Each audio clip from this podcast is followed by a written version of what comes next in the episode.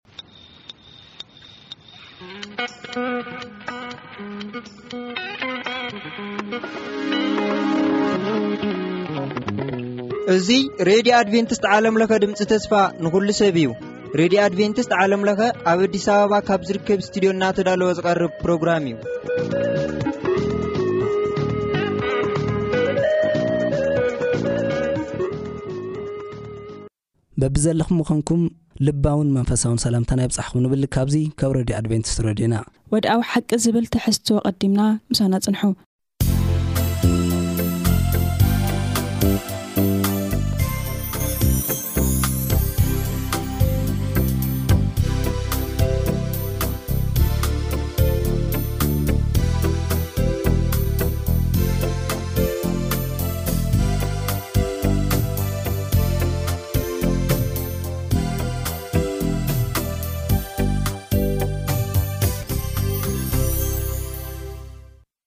ሰላም ከመይ ቀኒኹም ክቡራት ተኸታተልቲ መደባትና እዚ መደብ እዚ ኩል ግዜ እነመሓላለፎ ዓሰር ሰለስተ ክፋል መደብ ወድዓዊ ሓቂ እዩ ቅድሚ ናብቲ መደብ ምእታውና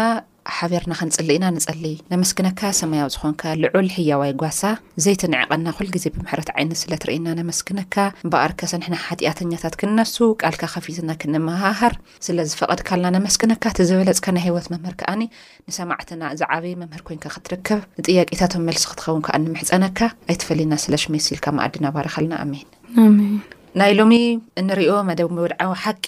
መበል ዓሰርተ ሰለስተ ክፋል ሰላምካ ምሕላው ብዝብል ዝተመርሐ ኣርእስቲ ኮይኑ ኣብ መእተዊ ኣብ ኤፌሶን 616-17 ብዛዕባ ናይ ክፉእ ፍላፃታት እነሸንፈሉ ጋሻ ከመ ጌርና ኢና ክነልዕል ከም ዝግበአና ኣብ ናይ መእተዊ ብዛዕባ ናይ ሓደ ሰብ ታሪክ ቀሪዎ ኣሎ ጆን ባንያን ዝተባሃለ ኣብ እስሪ ቤት ኮይኑ ዝፀሓፎ ናይ ብጣዕሚ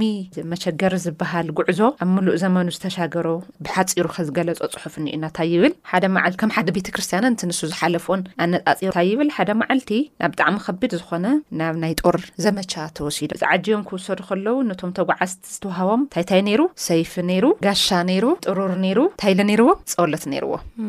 እና ዘይኣርጉ ጫማታት እውን ነይሮም እዚኦም ኩሎም ተዓጢቖም ናምታይ ኣትዮም ናብቲ ብጣዕሚ ከቢድ ዝበሃል ናብቲ ናይ ጦር ሜዳ ከም ዝተላእኸ ይነግረና እዚ ሰብዚ ክርስትያናዊ እዩ ቢያንስስ ነቲ ዝመፅእ ፈላፃስ ክወግአና ኣይክእል ልብል እዮም ዕጥቂ ተዓጢቆም ደለዉ ልክዕ ንሱ ምስ ምንታይ የነፃፅሮ ነይሩ እዚ ዕጥቂ እዚ ሓደ ክርስትያን ክዕጠቆ ከም ድግብኦ እዚ ተዘይተዓጢቑ ከዓኒ ብቑዕ ኣገልጋሊ ኮይኑ ክረከብ ከም ደይኽእል ጆን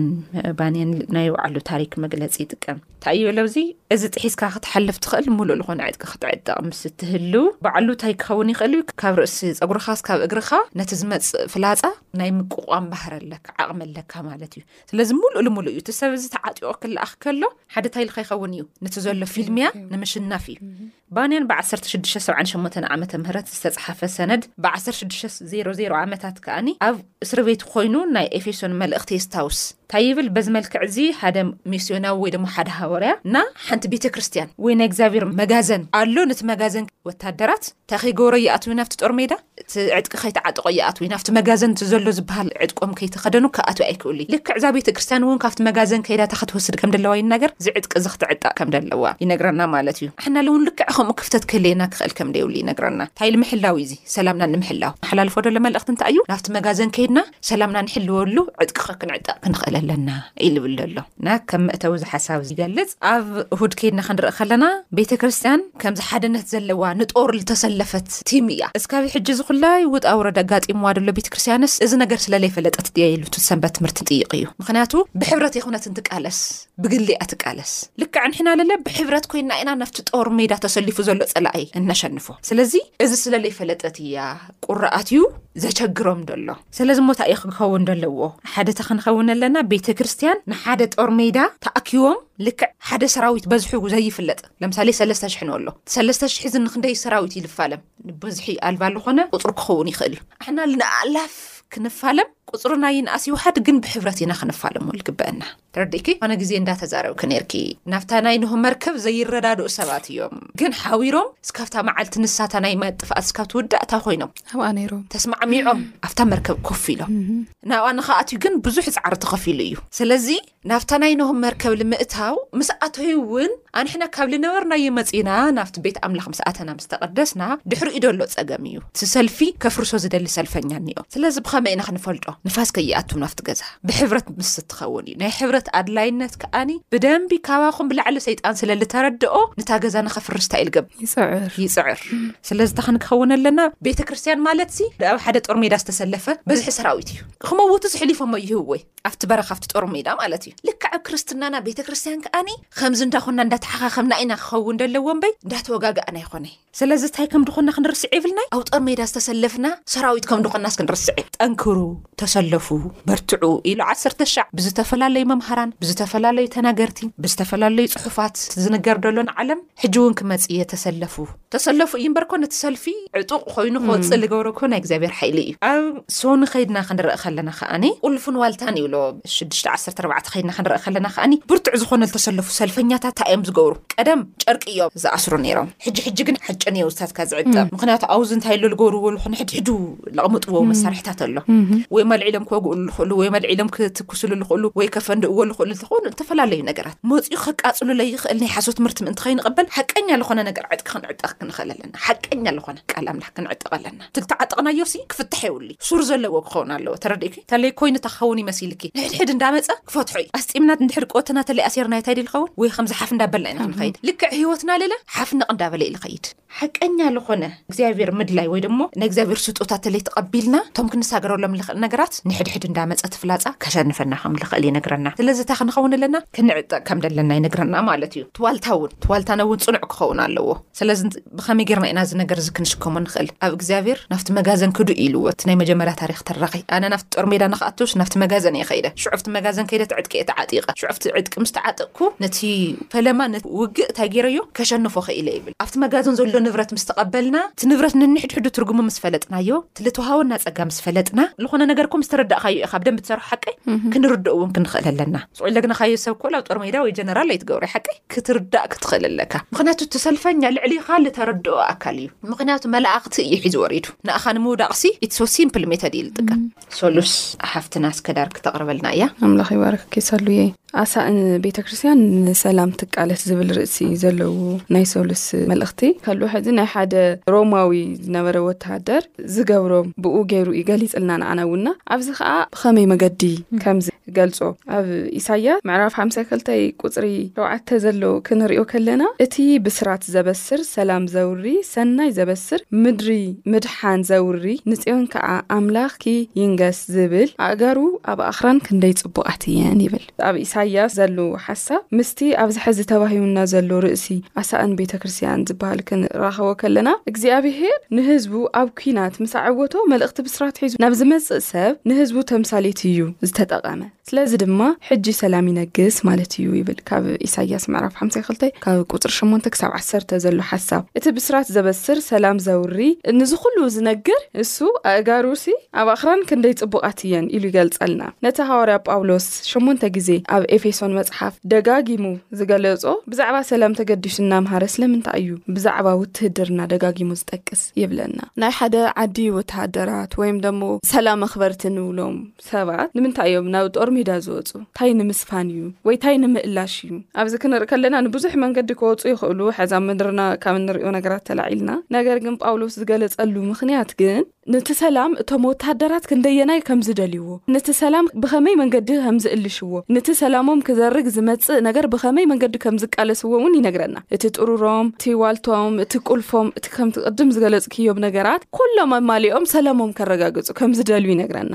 ንሕና ከም ክርስትያናት ከኣ ሰላምና ዝረጋገጽ ብክርስቶስ እዩ፣ ክርስቶስ እዩ ሰላምና። ኣብ ምድሪ ከለና ንዘጋጥመና፣ ምኽንያቱ እቲ ንዓና ዝዋጋእ ኣካልሲ ቀሊል ኣይኮነን፣ ምስ ብዙሓት ከምቲ ዝተባህለ ምስ ብዙሓት፣ ምስ ብዙሓት ዝተመረጹ መላእኽቲ ዝወደቐ ንባዕሉ እውን ካብቶም ምሩጻት ዝነበረ እቲ ናይ ምድሪ ሲስተም ዝፈልጦ እዩ እቲ ንኣና ጸላእና እና ብኸመይ መንገዲ ኢና ክንቃለሶ ዘለና ንምንታይ እዩ ወተሃደራት ደጋጊሙ ዝገልጽ ደጋጊሙ ዝጠቅስ ክንብል ከለና ንሳቶም ኣብቲ ናይ ምድራዊ ሰላም ንምርግጋጽ እኳ ዝገበርዎ ዕጥቅታት ዝለበስዎ ኣልባሳት እዩ ዝነግረና እሶም ምስ ምድራዊ ሓይሊ እዩ ንሕና ግን ምስቲ ኣብ ሰማይ ኣብ መናፍስቲ እቲ ውግእኹምሲ ምስ ጋና ደም ኣይኮነን ይብለና እወ ምስኡ ከመይ ጌርና ክንዋጋእ ከም ዘለና ብኡ ኣብነት ጌሩ ስለ ዝጠቕሰልና እዩ ብኡ ኣብነት ጌሩ ስለ ዝነግረና እዩና ጳውሎስ ንሰላም ከም ናይ ክርስቶስ ቀንዲ ዕማም ጌሩ እዩ ዝገልጻ እቲ ሰላምና ዝኾነ ክርስቶስ እቲ ሰላም ዝሰብኽ ንኣኻትኩም ርሑቓት ዝነበርኩም መጺኡ ሰላም ኣብሰረኩም ነቲ ቀረባ ዝነበሩ እውን ሰላም ኣብሰሮም ይብል ኤፌሶን 2 ካብ 14 ክሳብ 17 ንሪኦ ሓሳብ እዩ ብዝኾነ ግን ሃዋርያ ጳውሎስ ኣንጻር እቶም ጸላእትና ናብቲ ውግእ ክነልዕል ኣይኮነን ዝምዕደና። ስለዚ ድማ እዩ ነቶም ኣመንቲ ናይ ሰላም ወንጌል ከም ለበስኩ ልኡኻት ዝሰምዮም። ከምኡ እውን ኣመንቲ ምስ ካልኦት ሰባት ከለዉ ናይ ነፍጠኝነት ባህሪ ከርእዩ ከም ዘይብሎም ግና ንሕብረት ዝሰርሑ፣ ሃናጺ ቃላት ዝዛረቡ፣ ልስሉስ ልቢ ክህልዎም እዩ ዝምዕዶም። ቤተ ክርስቲያን ናይ ክርስቲያን ክብሪ፣ ትሕትና፣ ትዕግስቲ፣ ሕድገት ዝኣመሰሉ ባህርያት ብምግዋሕ ከምኡ እውን ኣምልኾ ጸሎት ብምዝውታር ንሰላም ክትቃለስ እዩ ዝግብኣ። ከምዚኣቶም ዝበሰሉ ተግባራት ነቲ ብኹሉ ብክርስቶስ ክሓብሮ ዝደሊ መደብ ናይ እግዚኣብሔር ዘዐውት እዩ። ቤተ ክርስቲያን ንዚታ እያ ስንቂ ሒዛ ክትጸንሕ ከም ዘለዋ። ዋልታ ቁራዕን ርእሲ ሰይፍን ዝብል ናይ ረቡዕ ክንርኢ ከለና ኣብዚ እንታይ ይብል መሲልኩም እቲ ሰብ እታ ርእሱ ገጹ እዝኑ ዓይኑ ትሽፍኖ ልኾነት እታ ንሳ ታይታ እያ ትገብር ዓይኑ እዝኑ ትሽፍኖ እያ ኣብዚ ክሳደ ከባቢ ውን ትሽፍኖ እያ እዚ ርእሱ እዚ ምሉእ እዚ ውን ትሽፍ ልኾነ ነገር ተሞጺስ ንዎ ይምክተሉ ይምክተሉ እዩ ታይ ዞም ነገራት እዚኦም ንጥቀመሎም ይብል ቅድሚ ሕጂ እዛ ዕጥቂ እዚኣ ሒዙ ተለይ ኣትዩ ሰብ እዚ ታይ ክኸውን እዩ ካብቶም ሓደ ቆሰልቲ ክኸውን ስለዚ ቆሳሊ ንኸይከውን ከኣኒ ኣገ ኣቐዲሙ ዝገበሩ ዕጥቅታት እኒኦ ጀስት እታ እዩ ክብል ደልዩ ደኣ እቲ ናይ እምነት ጋሻ እቲ ናይ እምነት ዋልታ ኣልዕሉ ዝብሎ ዘሎ ወይ ደሞ ቁራዕ ሰይፊ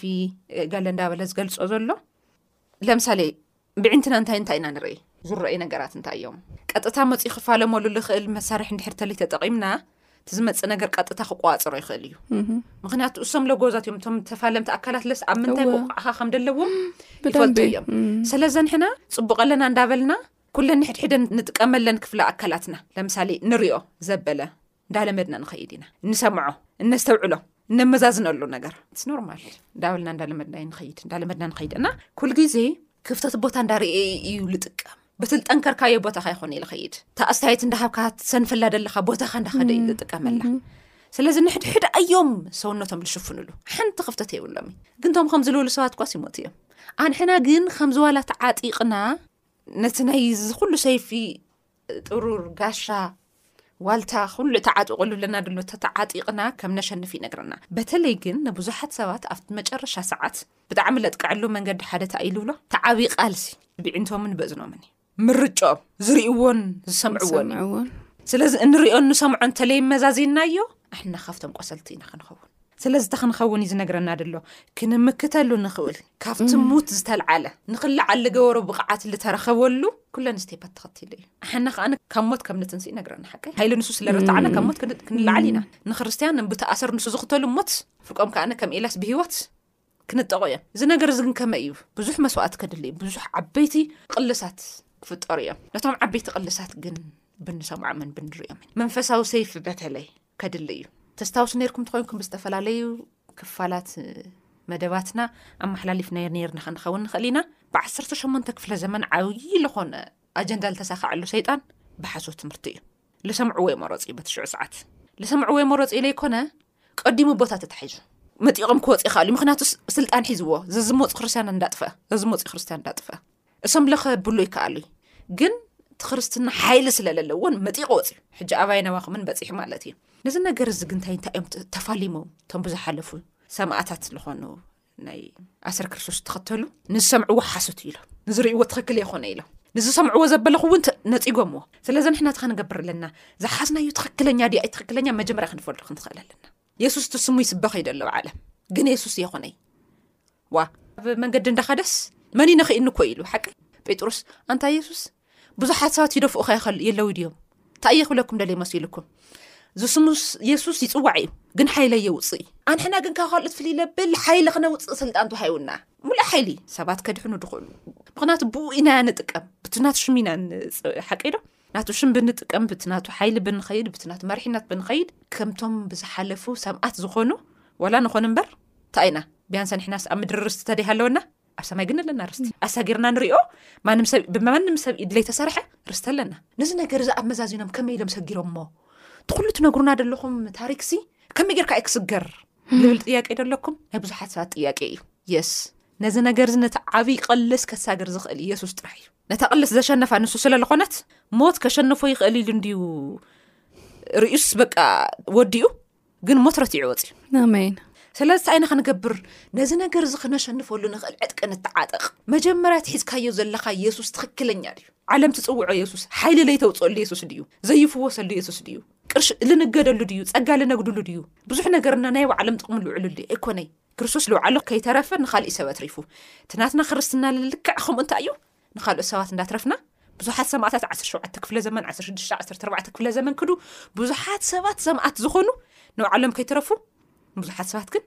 ኣትሪፎም እዮም ሕጂ ኣነ ንስኹም ብቋንቋና ነንበወ ደለና መፅሓፍ ቅዱስ ናይ ንበዓል ዮሴፍ ቢትስ ናይ ንበዓል ጆን ዊክሊፍ ነንበዓል ሉተር ልኸፈልዎ ኣሰር ክርስቶስ ተኸቲሎም ትዕጥቂ እንዶም ክገርመኩም ተንሕና ነንበብና ይኣየንበዊ ንእሽተይ ብርሃን እዮም ሪኦም ንእሽተይ ቃል ኣምላኽ ንኣ ግን ሒዞም ወፅኦም ኣብ ዓለም ደሎ ሓይሊ ሓሶት እዩ ኢሎም ተቃዊሞሞ ስለዚ ንሕና ደኣ ፍጥጥ ልበለ መንግስቲ ዓይኑ ዘፍጠጠና ኣይስገዱ ኣነ እየ መድሕን ኣነ ዩ ናይ ሰላምኩም ሚስጥር እንዳበለ መንነቱ እንዳሓበአ ኣነ ሃወርያ እየ ኣነ ነብ እየ እንዳበለ ናይ ሓሶት ትምህርቲ ዘምህር ዘመን በጺሕና ኣለና እሞ ከመይ ጌርና ንፍለጦ ነዚ ሓሳዊ ዝኾነ መንፈስ ሓቀኛ ዝኾነ ቃል ኣሎ ኣብ መዛዘንዎ ሕና እዚ እዩ ሓቂ እዚዩ ኣይንብሎ ቅዱስ ድኾነ ቃሉ ንዘመናት ዘይተረትዐ ቃል ኣሎ ሰይፊ እቲ ሰይፊ ንሱ እንታይ ክንገብር ክንኽእል ኣለና ክንጥቀመሉ ኣለና ሽዑ እንታይ ንገብር ኢና ክንረትዕ ኢና በተለይ ግን እንሪኦን እንሰምዖ ንፍለጦ ብዙሓት ሰባት ዝወደቑ ብኡ እዩ ሄዋን ምስ ሰምዐት እያ ኣስተማቒራቶ ስለ ዘንሕና ካብ ንሰምዖ ነገራት ክንጥንቀቅ ክንኸል ኣለና ምስ ሰማዕናለ እውን ሓይሊ ዝወፆ ድዩ እንረትዐሉ ድዩ ናብቲ ጦር ሜዳ ተኣቴስ ከሸንፈሉ ዝኽእል የሱስ ሒዘ ዘለኹ ምክንያት ብዙሓት የሱስ ኮይኖም ይመፁ እዮም ንለዉ ሓደ እዩ ግንቲ መንገዲ ሓቂ ሓንቲ እያ ነቲ ሓቂ ተጥፍእ ብዙሓት ሽም ሒዞም ግን እቲ መንነትና ከጥፍእ ድኽእል ዕጥቂ ተዓጢቆም ዝመፁ ኣለዉ ንሕና ከዓ ንኦም ክነሸንፎም ድኽእል በቲ ናይ ሓቀኛ ዝኾነ ሰይፊ ዋልታ ጥሩር ሒዝና ክንወጽእ ከለና እዩ እሞ እዚኦም ተዓጢቕና ክንወጽእ ክነስተውዕሎም ዓበይቲ ቅልሳት ክነሸንፈሎም ንኽእል በዚ መንገዲ እዚ እዩ ናይ ረውዕ መደብና ዝይመስል ናይ ሓሙስ ጽቡቅ ጌርኪ ክገሊጽክዮ ሰሉዋይ ናይ ሓሙስ ርእስና ንናይ ዓውደ ኩናት ጸሉት ምልምማድ እዚ ምስታብ ሶሉስ ዝረአናዮ ሓሳብ ቅሩ እንትን ዘብሎ ነገር ኣሎ ጳውሎስ ምዕድኡ ንምዝዛም ነቶም ኣመንቲ ከም ንቑሓት ሰራዊት ወትሩ ስለ ዅላቶም ቅዱሳን ምእንትኡ እቲ ብምቑሕ ዝተኣሰረ ልኡኽ እውን ብጸሎት ክነቕሑ እዩ ዝተዛረቦም ጳውሎስ። ነታ ብጸሎት ዝተገበረ መጸዋዕታ ድማ ኣካል ናይቲ ወታደራዊ ዋኒን እዩ። ከመይሲ፣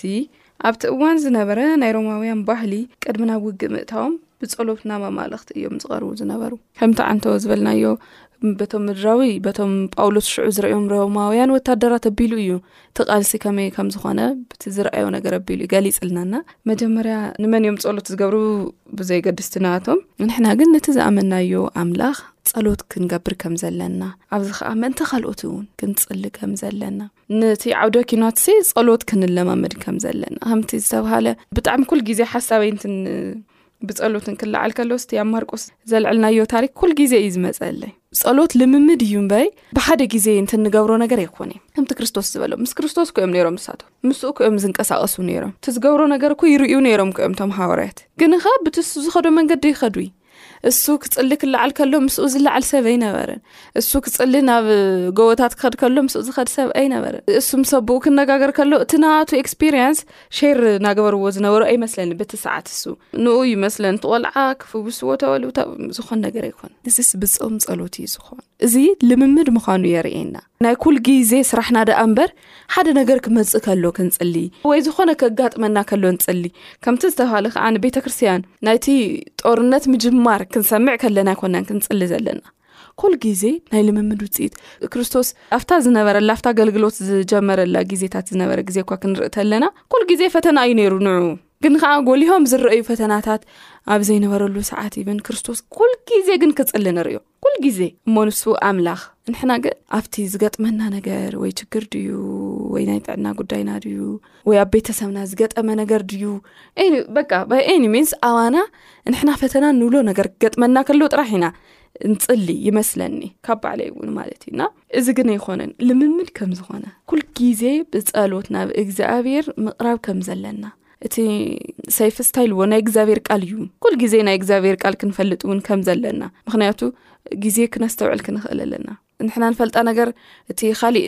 ሓውና ወይም እንምስክረሉ ወይም ንበሉ ዝፈልጣ ነገር ሓደ ተኮይና ክንምስክረሉ ክንነግረ እውን ይንኽእል ምክንያቱ ንሕና ብቃል እግዚኣብሄር ካብቶም ንሕና ንነግሮም ሰባት ንላዕሊ ካብቶም ንሕና ንምስክረሎም ሰባት ንላዕሊ ብዝሓሸ መልክዑ ዘንበብና ሰባት ክንከውን ኣለና ብዛዕባ ፀሎት ክንናገር ከለና እውን ካብቶም ብዛዕባ እዚ ምክሪ ወይ ንነግሮም ሰባት ብዝበለፀ ብዛዕባ ፀሎት ልምምድ ከህልወና ክኽእል ኣለዎ ክርስቶስ ዝነክኦ ይመስለኒ ኣብ እታ ዝገለፅ ክያ ሓሳብ ሲ ክነክእዎ ከለውስ ብዙሕ ሰብ ፐርፐዝሊ ባይዘወይ ናብቶም ዝኸዶም ከተማታት ፐርፐዝሊ ዝኸዱ እግዚኣብሄር ዘግንዮም ሰባት ነይረዎ ናፍቲ ክኸድ ከሎ እውን ዘግንዮ ሰብ እኒዎ በቃ ፐርፐዝሊ በታ ቦታ ይሓልፍ እዩ ክርስቶስ እና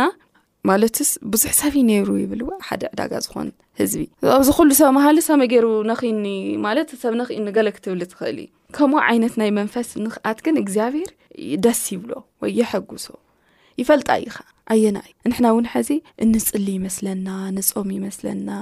እግዚኣብሄር ብዝተፈላለዩ መንገዲ ነኺናዮ ንወፅ ይመስለና ግን ካብዚ ኩሉ ሰብ እታ ሰነ ክኣት እዩ ርእዋን ኣድሚፅዋን እምበር ምስኡ ዝኸዱ ዝነበሩ ሰባት ብዙሓት እዩ ንሕና እውን ኣብ ቤተ ክርስትያን ንኸድ ሰባት ኦር ነምልኽ ሰባት ብዙሓት ኢና ንኽኢናዮ ንወፅእ በእውነት እግዚኣብሔር ርኢናዮ ንወፅእ ሰባት ክንደየና ኢና እግዚኣብሔር እዩ ዝፈልጦ እና ኣብ ህይወትና ልምምን ከም ዘድልየና በእውነት ኩል ግዜ ንእግዚኣብሔር ምንካእ ከም ዘድልየና ኣለና እናበልና እውን ከይንጠፍእ ሕዚ ካብቲ ደገ ንብሎ ሰብ ንላዕሊ ሰብ ውሽጡ ዘሎ ሰብ የስገአኒ ከማይ ይሰግእ ዋላ ንባዕለይ እና ምስ እግዚኣብሔር ዘለና ዝምድና እውን እነጠራኽረሉ መንገዲ ሓደ ጸሎት እዩ ከምቲ ኣብዚ ጳውሎስ ዝበሎ ንባዕልና ንፅሊ ተኮይንና ከምኡውን ብሕብረት ንፅሊ ተኮይንና ስለ ካልኦት እውን ግዲ ዝብለና ተኮይኑ እሱ እዩ ዝነግረና ስለ ቅዱሳን እውን ጸልዩ ይብለና ጳውሎስ ስለ ኣና እውን ጸልዩልና ኣና ብ ጸሎተ ይሓስበኩም እየ ይብለ ብዙሕ ቦታ ክንሪዮ ከለና ጳውሎስ ንሕና እውን ከምኡ ዓይነት ባህሪ ከለወና ብእውነት ደሞ ኣብቲ ዝተወድአ ዘመን ካብ ቤተ ክርስትያን ጠጠው ከብላ ዝኽእል ጸሎት እዩ እና እዚ ክንገብር እዩ ጳውሎስ ዝነግረና ፅቡቅ ጎይታ ይባራኪ ሓፍትና ስከዳር ኣብቲ ንሳ እንዳገለፀት እንዳሃለት ዝኾነት ዝደለኒ ሓሳብ ነይሩና ሩሳውያ እንታይ ኢሎም ይኣምኑ ሰለስተ ነጥብታት ይኣምኑ ናብ ጦር ሜዳ ቅድሚ ምእታውካ ሓደ ግዜ ጸሊ ላብ ባሕሪ ቅድሚ ምእታውካ ላብ ሓመሳ ወይ ላብ ባሕሪ ወይ ትሳገሮ ነገረት ኣህሉይ ክልተ ግዜ ጸሊ ላብ ሓዳር ቅድሚ ምእታውካ ከኣ ንሰለስተ ግዜ ጸሊ ይብልዎ ሕጂ ንኣና ዘድለየና ተጦር ሜዳ እዩ ሕጂ እዚ ሕጂ ነመሓላልፎ ዘለና ምክንያቱ ሓዳር ብዝሓለፈ እንዳተምሃርናይ ስለልጸናሕና እግዚኣብሔር ዝሰምዖ ጸሎት ኣሎ ሓይሊ ልወፆ እቲ ሓይሊ ልወፆ ግን እምነት እዩ ምክንያቱ ብዙሓት ሰባት ይምብርከኹ እዮም ፈሪሳውያንስ ይምብርከኹ እዮም ነሮም ቀዳሞት እዮም ግን ንዘመናት ምሉእ ንዓሰርተ ክልተ ዓመት መድሓኒት ኣወዲኣ ሓደ መዓልቲ ግን መድሓኒት ክመጽእ እዩ ካብ ናይ ዮሴፍ ዘርኢ ትውልዲ መድሓኒት ክመጽእ እዩ ልብል ስብከት ትሰምዕ ስለ ልነበረት ኣብቲ ሽዑ ሰዓት መጽዮ ዝተባህለሉ ኣብቲ ከተማ ከይደ ዋላ ደማይ ኣይቋረጽ ምክንያቱ እንዳፈሰሰ እዩ ዝኸይድ ዘሎ ዋላ ጨርቁ እንተነካኣ ክልብልን እዩ ንሕና እሳ ካበይ ለምፀኦቶ እዩ ሕጂ ለምፀኦቶ እምነት ኣይኮነ እዩ ናይ ነዊሕ ግዜ ልምምድ እምነት እዩ ናይ ነዊሕ ግዜ ልምምድ ከዓኒ ነዚርዎ ንእውን ከምዚ ኤሌክትሪክ እዩ ኮ ነዚርዎ ዓይነት ዘውፅእ ፓወር ኣሎ እና ከምዚ ክኸውን ክኽእል ከም ዘለዎ ኢሉ ነግረና እምበር ሕጂ ስለ ልኾነ ስለ ለይኮነ ኣይኮነይ ኣብ ልኾነ ለታ ይብል ኣብ ትኽክለኛ ታሪክ እዩ ኣብ መርከብ እንዳተጓዓዙ ሓያል ማዕበል ይመፅእ ይመስለኒ ኣብዚ ፓስፊክ ከባቢ እዩ እና ሓያል ብካልኣይ ኩናት ዓለም ጦርነት ከባቢ ሰባት ንምሕባእ ልጥቀምሉ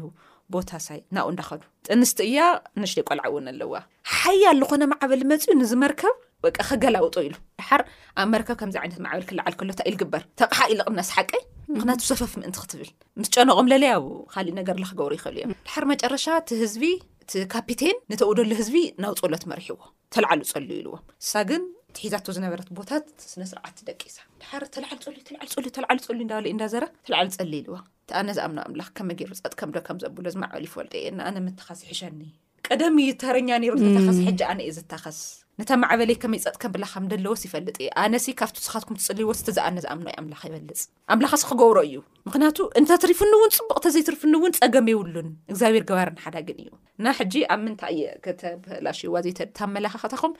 እምነት ልዕሊ ማንም ፓወር ኣለዎ ምክንያቱ ንህወ ቦታ እዩ እግዚኣብሔር ንውስኖ ንእሽተይ ቦታ ሂብካዩ ብዙሑ ዘረባ ተትዛረብ ንእግዚኣብሔር ትርጉም ይብሊ ለስምዖ ክሰማይ ዝኣክል ለስምዖ እዚዩ ዝፈትዎ እሱ ይስምዕዎ ክብል ከሎ ልኡል ምስማዕ ዝኣክል ልቢ እንተሃሊካ እግዚኣብሔር ንኣኻ ክሰምዕ ድልው እዩ ግን ትሰምዖ ዶ እዩ እኒኦ ሕጂ ካብ መፈንጥራታት ደለዉ ሃዳናይ ብቐሊሉ ንእግዚኣብሔር ዶ ትርዳእ ወይ ስነቲ ናይ ዓለም ደሎ ሓይሊ ኢካ ትርዳእ ብደንብ ጌርና ክንርድኦ ክንኽእል ኣለና ዋ ሰብ ኳስ እመንኒ ሓቀይ ደንል እመንኒ ክገብራ እየ ማት ንድሕሪ ሰብ ተደ ይብልካ እግዚኣብሔር ለእመኑኒ ክገብሮ እየ ናብቲ ሰልፊ ንሱ ዓወት ክትረኽቡሲ ዓቕሚ ክኾነኩም እየ ኣነ ንሞት ተሸኒፈ እዩሞ ንስኻትኩም ን ንሞት ክትስዕርዋ ኢኹም ግን ሞይቶም እዮም ሓቀይደቶም ብዙሓት ሰባት ብዙሓት ክርስትያናት መስዋእቲ ኮይኖም እዮም እቲ ሞት ግን ሞት ዝብደሎ ኣሎ እቲ ናይ ዘለኣለም ሞት ኣይኮነ እቲ ድቃስ እዩ ስለዚ ስዒሮም ከም ዝወፅ ይነግረና እና እንታይ ክነመሓላልፈልኩም ንደሊ ክብራት ሰማዕቲ መደባትና ውዚ ናይ መዛዘሚ ቃል ኩሉ ብሕብረት ተኣሲሩ ናብቲ ጦርነት ኣትዩ እንድሕር ከሸንፍ ተዘይተሰሊፉ ማንም ኣካል በይኑ ኮይኑ ከሸንፍ ከም ደይኽእል ይነግረና ስለዚ ነዚ ሰልፊ ክነሸንፍ ይሕዋት ሓደ ሓቀኛ ዝኾነ ቃል ክህልየና ኣለዎ ካልኣይ ከዓ ነቲ ቃል ንሱ ክንኣምኖ ክንኽእል ኣለና የሳግር እዩ እንተዘይሳገረ ግን ከም ዳንኤል ዕኽቲ ክንመውት ኢና ክንብለልክ ንኽእል ኣለና ምክንያቱ ንሕድሕድና ኢና ዋላ ብሓደ ሕብረት ንውፃእ እምበይ እቲ ሓደ ሰምኣት ይኸውን ሓደ ከዓ ነጀስቲ ከዊሩ ይነብር ከክመድላይነቱ እግዚኣብሔር ንጥቀም ንዓለም ንተይ ዘይደሊ ነይሩ ኩ ንሰማይ ምድሪ ምስዳዲ መድለዩ ንክርስቶስ ክመድላይነቱ ግን ንወዲ ሰዲድዎ ናብ ምድሪ ጥበቕምን ትርጉምን ሂወትን ስለ ደለዎ ማለት እዩ ንኣና እውን ከምኡ ኢና ድሕሪ ግዜታት እኮ እንታይ ድልብል ባዕሎም ባዕላ እታ ንግስቲ እንግሊዝ የኾነቲ ድያ ንዊክሊፍ ተቐቢላቶ? ትኽክል ከም ድኾነ ትቓል ስቑ ኢላ እያ እዚ ናይ ዓለም ሓይሊ ልማገት ደሎ እምበይ ምስኡ ዘሎ ቃልሲ ሓቂ ከም ድኾነ ተረዲኣቶ። እቶም ጨቋናትን ኣሰደድትን መሳደድትን ንብሎም ከይቀረዩ ነቲ ቓል ክድግፍዎ እዮም። እንታይ ስለ ልኾነ? ሓቂ ስለ ዝኾነ። ስለዚ ነቲ ሓቂ ነቲ ዓብዪ ቅልስ ክነሸንፈሉ ንኽእል ሓቀኛ ለኾነ ሰይፊ ሒዝና ክንወፅ ክንኽእል ኣለና ብክልቲ ኣፉ ዝተሰሓለ ይብሎ ስለዚ እዚ ሒዝና ክንወፅ ክንኽእል ከለና ብብርቱዕ ካ ንክወፅእ ይፅላ እዩ ብብርቱዕ ይክወፅ ምክንያት ካብ መጠን ንዓቕሚ ካ እያ ዝወፅእ ንእሸይ ተኮይና ካብ ብንእሸ ይወፅእ ብርቱዕ ትኮይንካ ከዓ ከምቲ ንእዮብ ስቁኢሉ ቅጥቅጥ ልበለ ብበለስ ከምዝሕፀብ ገይርዎ ብበለስ ከምዝፈሕፍሖ ገይርዎ ቁስሉ ብርቱዕ ይወፀካ ምክንያቱ ጠንካራ ዝኾነ እምነት ምስ እግዚኣብሔር ስለ ደለካ ከም ለይትወድቕ ከኣን ይፈልጥ እዩ ሰይጣን ጠንካራ ዝኾነ እምነት እንድሕር ተሃሊእካ ከም ለይትጥሕ ስለ ዝፈልጥ እስካ ትጥሕል እዩ ዝፅበየካ ምክንያቱ ናይ ውሽጢ ከይፈልጣን እግዚኣብሔር ከኣነ ነቲ እምነት እንዳወስኸላ ዩ ዝሓድር ዘይት እንዳፍሰሰላ ዩ ዝሓድር እንታይ ስለ ለይምዃን ልከይትወድቕ ማለት እዩ እና በይና ጥራሕ ንቃለሰልጥራ ኣይኮነን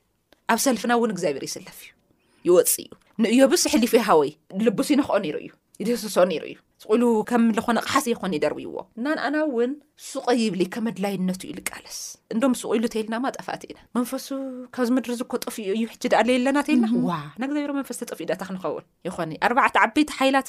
ሓቂ ኣለዉ ልሕልው ንብሎ መበራ ዮሃንስ ተጠፊኦም ሰም ተደቂሶም ተኸንኸውነ ንሕና ደቂቕ ተተዋሂዋቶ ከጥፈና ልኽእል ፀላእ ኮይ እኒና ኣይደቅስን ኣይተኸስን እቲ ናይ ያቆብ እቲ ናይ እስራኤል ሓላዊ ስታ ይገብርን ሕጂ ሓላዊ እዩ እና ነዚ ዓወት እዚ ነጢቕና ክንወፅእ ሓቀኛ ዝኾነ ቅዱስ ሰይፊ ሒዝና ክንወፅእ ክንኽእል ኣለና ናይ እምነት ጋሻናን ዋልታናን ቀወቶናን ጥሩርናን ክንዕጣእ ክንኽእል ኣለና ኣዚኦም ኩሎም ከዓኒ ይዒንትና ካብ ብሕጂ ተኸኢልና ንሰምዖ እንሪኦ ንውዕሎ ዘበለ ኩሉ ክንፈልጥ ክንኽእል ኣለና ተለይኮነ ንሕና ከምቶም ማሕበር ቅዱሳ እንታይ ኢልና ክንፅዋዕ ኣይንኽእልን እዚ ክንፅዋዕ ግን ክርስቶስ እውን ሕጂ እውን ኢዱ ዘርጊሑ እዩ ከልዕላ እዩ ከጠንክራ እዩ ዘማሕበር ኣይኖ እዚ ሰብ እዚ ከምዚ ኢሉ እንዳቸገረኒ እዩ እዚ ፓስተር እዚ ከምዚ እንዳገበረ እዩ ብዙሕ ምክንያታት ደለውና እወ ኩሎም ከፅርዮም ንኽእል እግዚኣብሔር እዩ ምክንያቱ ንክልቲኦም ፈጣሪኦም ሓደ እዩ ከምዚ ብዝሓለፈ ሰንበት ትምህርቲ እንዳተምሃርና ነርና ነቲ ጎይታን ነቲ ባርያንስ ሓደ ፈጣሪ እዩ ደለዎ። ልክዕ ከምዚ ኢና ንኹለና ናብ ሓደ መስመር ንምምፃእ ይፅዕር ኣይኮይኑ ደ ንኣናስ ንሰይጣን ንምምፃእ እውን ፅዒሩ እዩ ነይሩ ንቲ ንዓለም ዘሳድድ ደሎ ማለት እዩ እና ብዚ መልክዕ እዚ ሒዝና ንሰላም ንክንሕልዋ ከም ዝግበአና ትምህርቲ የመሓላልፈልና እምበኣርከስ እዚ ትምህርቲ እዚ ይመስል ንሰማዕኹምና ዘበልኩም ኮነ ነዚ መደብ ዘይሰማዕኹም ዘበልኩም ኩላኻትኩም እግዚኣብሔር ኣዝ ይባርኽኩም ብዝቕፅል እስካብ ንራኸብ ፀጋ ኣምላኽ ምስ ኩላትና ይኹን ኣስተያየት ኮነ ጥያቄን ሓሳብ ብዝህለየኩም ባዶ 98974 ቴስዓ ባዶ ትሽዓተ ዓሰርተ ኣርባዕተ ዓሰርተ ኣርባዕን ሓሙሽተን ባዶ ሓሙሽተ ፖስታ ሳፅን ቁፅሪ ሚእትን ኣርባዓን ሓሙሽተን ኢልኩም ሓሳባትኩምን ጥያቄኹምን ከተካፍሉልና ትኽእሉ ኢኹም ኣብ ምእታዊ ሓሳብ ኣይገለፅና ነርና እዚ መደብ እዚ ሒዝናልኩም ዝቐረብና ኣነ ሳሌም ነጋሲ ምስ ሓፍተይ እስከዳር ኣሸናፊ እዩ ብዝቕፅል እስካብ ንራኸብ ፀጋ ኣምላኽ ምስ ኩላትና ይኹን